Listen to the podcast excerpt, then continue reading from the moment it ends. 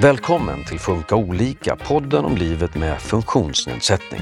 Många lider av sömnsvårigheter, inte minst personer med funktionsnedsättning. Smärta, problem med att somna in och oro kan ligga bakom. Idag får vi ta del av en sömnskola som är särskilt anpassad för patienter med förvärvad hjärnskada, personer med kognitiva svårigheter. Och vi har sett det där folk börjar göra meningsfulla aktiviteter på dagarna så sover de oftast bättre. Det är en väldigt bra start. Det här är andra programmet om sömn. I det första pratar vi om vad man kan göra för att hjälpa sitt barn som sover dåligt. Jag heter Susanne Smedberg och med mig idag i studion är du, Åsa Larsen. Tack så mycket. Du är legitimerad arbetsterapeut på Hjärnskadecenter och har varit med och utvecklat en sömnskola för personer som har förvärvad hjärnskada. Är det vanligt att eh, den här gruppen har sömnsvårigheter? Ja, det är vanligt. Precis som i alla grupper. Hur kan sömnsvårigheterna se ut? Det kan vara att man gör för lite på dagarna, så att man har svårt att somna på kvällen. Det kan vara att man grubblar väldigt mycket. Eller man oroar sig för olika saker. Man oroar sig vad som ska hända och vad som har hänt. Kanske inte riktigt kommer ihåg vad som ska hända. Och idag ska vi ju eh, gå igenom den här sömnskolan i en liten förkort, förkortad och anpassad poddversion. Men om man då skulle vilja gå hela den här sömnskolan, var vänder man sig då?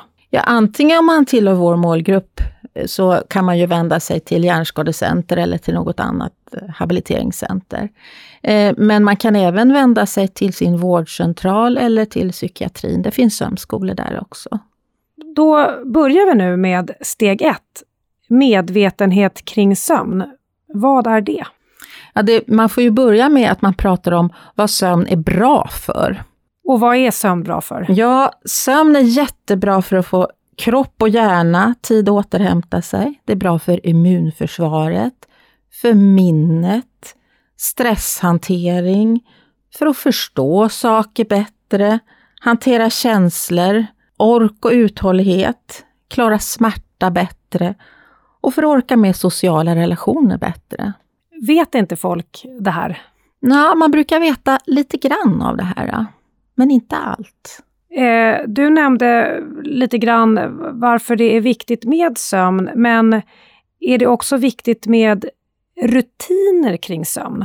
Alltså att sova vissa tider till exempel? Mm. Rutiner är jätteviktigt.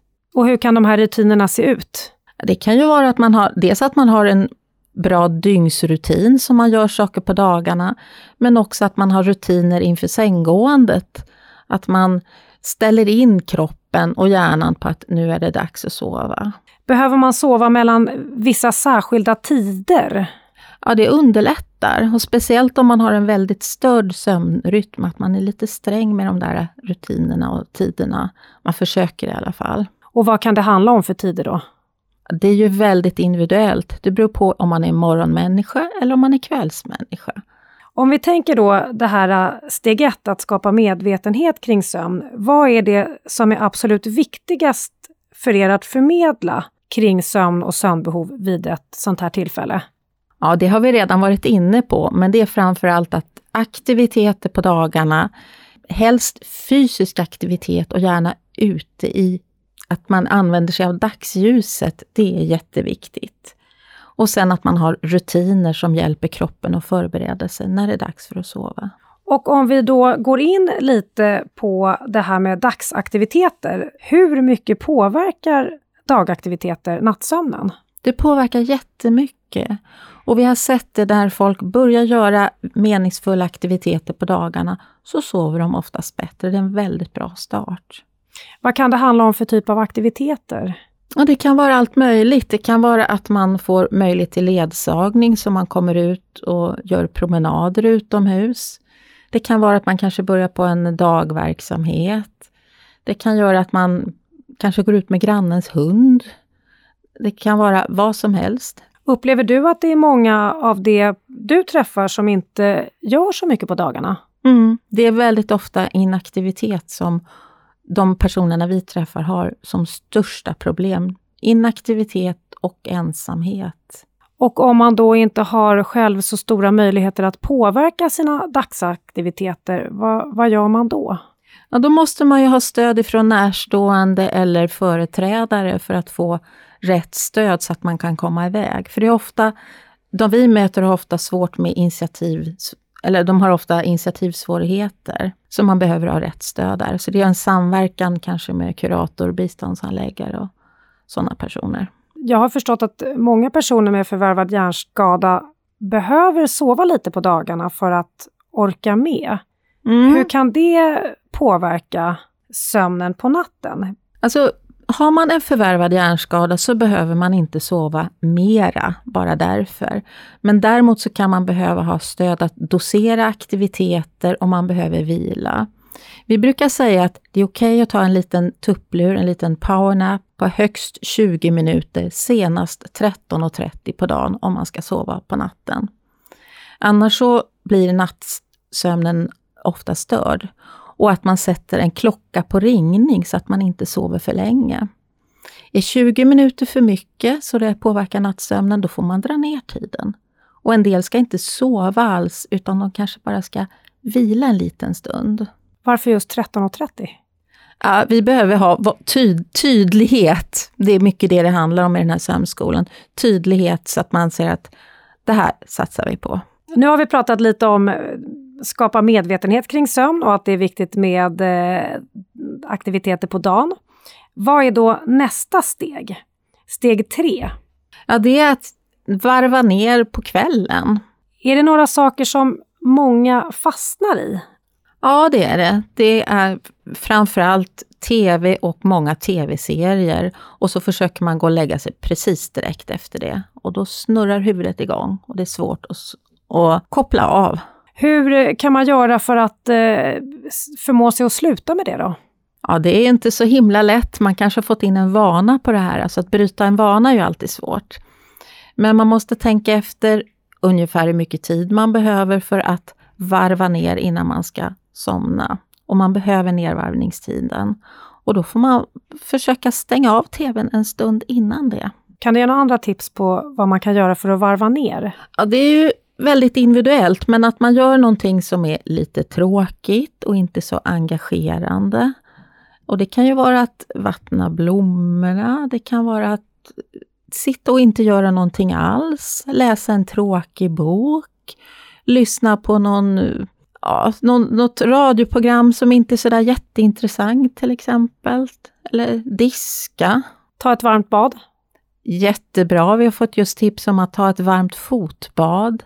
För en del är det väldigt skönt att ta en varm dusch. Det är som sagt var, vi är väldigt olika så vi har olika sätt att varva ner på. När ni håller den här sömnskolan pratar ni också om olika tekniker för avslappning. Mm, det stämmer. Vad kan det vara för olika typer av tekniker? Det, det, kan vara mindfulnessövningar, det kan vara progressiv avslappning. Vi pratar även om yoga, meditation, tai chi, qigong. Det, där handlar mycket om att ah, medvetandegöra sin andning och hitta tekniker för avslappning och avspänning. Som man då bör öva under lugna förhållanden på dagtid för att kunna få ett stöd i både för att somna på natten och om man vaknar.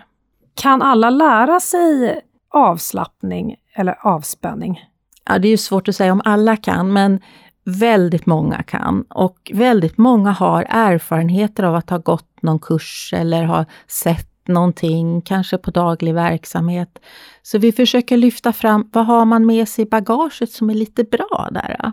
Och då kan det också vara bra med typ inspelade eh, övningar som man kan öva på dagtid för sen använda på natten, eller bara när man känner sig lite stressad. Vad gör de här övningarna för eh, kroppen då? Det hjälper en att andas lugnare, man drar ner blodtrycket, man sänker hjärtfrekvensen till och med. Det händer väldigt mycket i kroppen. Och så känner man sig lugnare framför allt. Det är jättebra. Har du något eh, tips på ställe där man kan hitta sådana här övningar? Mm, det har jag. Örebro län har en, flera sådana här bra inspelade övningar man kan hitta på nätet.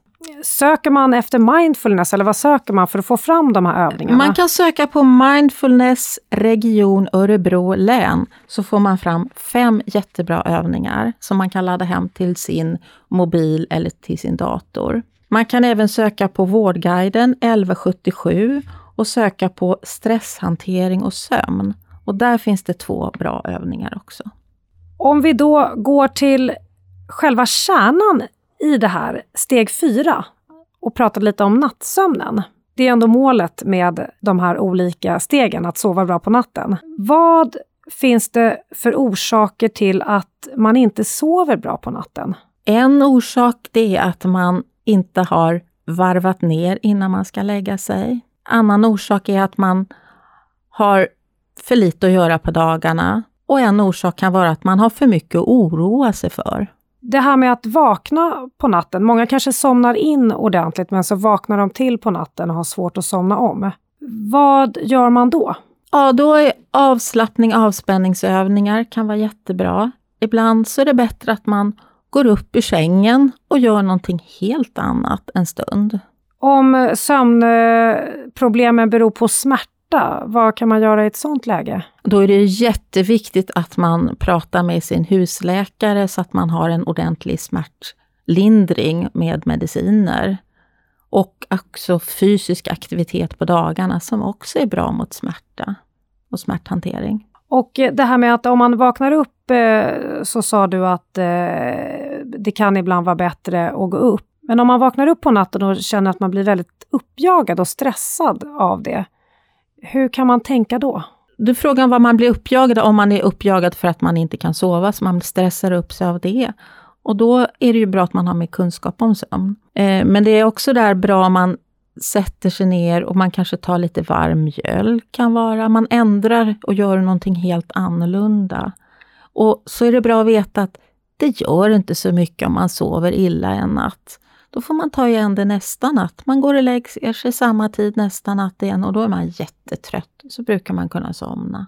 Finns det någon kriterier för hur mycket man behöver sova varje natt? Mm, det är väldigt olika hur mycket man behöver sova. Och Det som är lite spännande är att när man är äldre behöver man ofta sova betydligt mindre än när man är yngre. Så att är man lite äldre så behöver man inte vara jätteledsen om man inte kan sova åtta timmar varje natt, för man kanske bara behöver sju. Har ni några generella råd för bra nattsömn? Något som man skulle kunna göra själv eller träna på hemma? Det är rörelse, motionera gärna, men inte sent på kvällen. Läggtider, lägg dig samma tid varje dag och gå upp samma tid varje dag.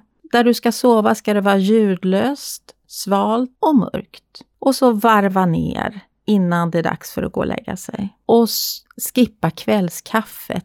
Och skippa den långa tuppluren mitt på dagen. Och arbeta inte i sängen. Sängen ska bara användas till att sova.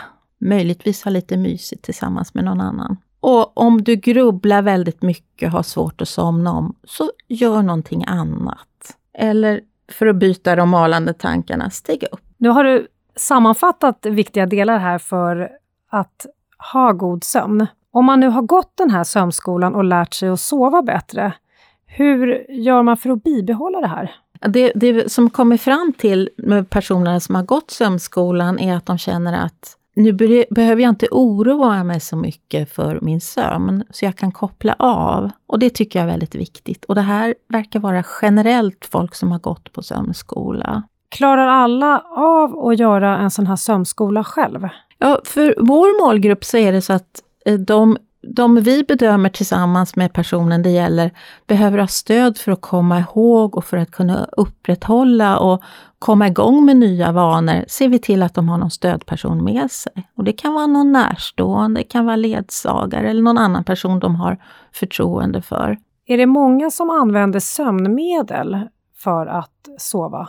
Mm, det är många som använder sömnmedel. Hur funkar det i förhållande till att gå en sån här sömnskola? Om man har haft sömnmedel en längre tid, då rekommenderar vi alltid att man tar en diskussion med sin husläkare angående detta. Nu, nu har vi gått igenom stora delar av sömnskolan och för att repetera då, om man inte är patient på Hjärnskadecenter, var kan man vända sig då? Ja, sömnrådgivning individuellt eller i grupp kan man få på ett habiliteringscentrum om man tillhör den målgruppen.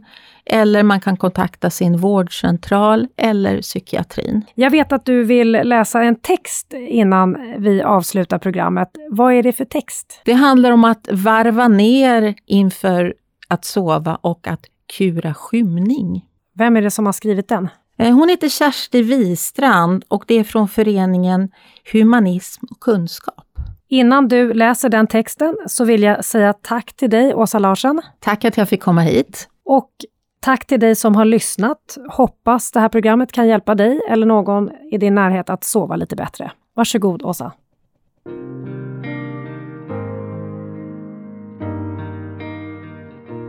Att betrakta vinterns bleka solnedgång och se trädens silhuetter mot den sakta mörknade himlen. Att stå stilla och se de blå skuggorna som de nakna träden kastar mot den vita snön innan allt sakta övergår i dunkelblått. Att se skymningstimmen övergå i tussemörkret innan allt blir svart och stjärnorna börjar synas på himlen. Att lyssna till tystnaden. Att lyssna inåt. Att bli ett med naturen. Att leva i nuet och glömma sig själv. Att kura skymning och fylla sig med ro och harmoni. I Norden fanns innan industrialiseringen en gammal tradition som idag är mer eller mindre utdöd. Skymningstimmen var en tid av tystnad och ro Sinnena renades och skärptes. Du har lyssnat på Funka olika, en podd från Habilitering och hälsa som en del av Region Stockholm. Det här var det sista programmet om hur man kan arbeta med sömnproblem. Men vi är snart tillbaka med nya avsnitt. Vi hörs då!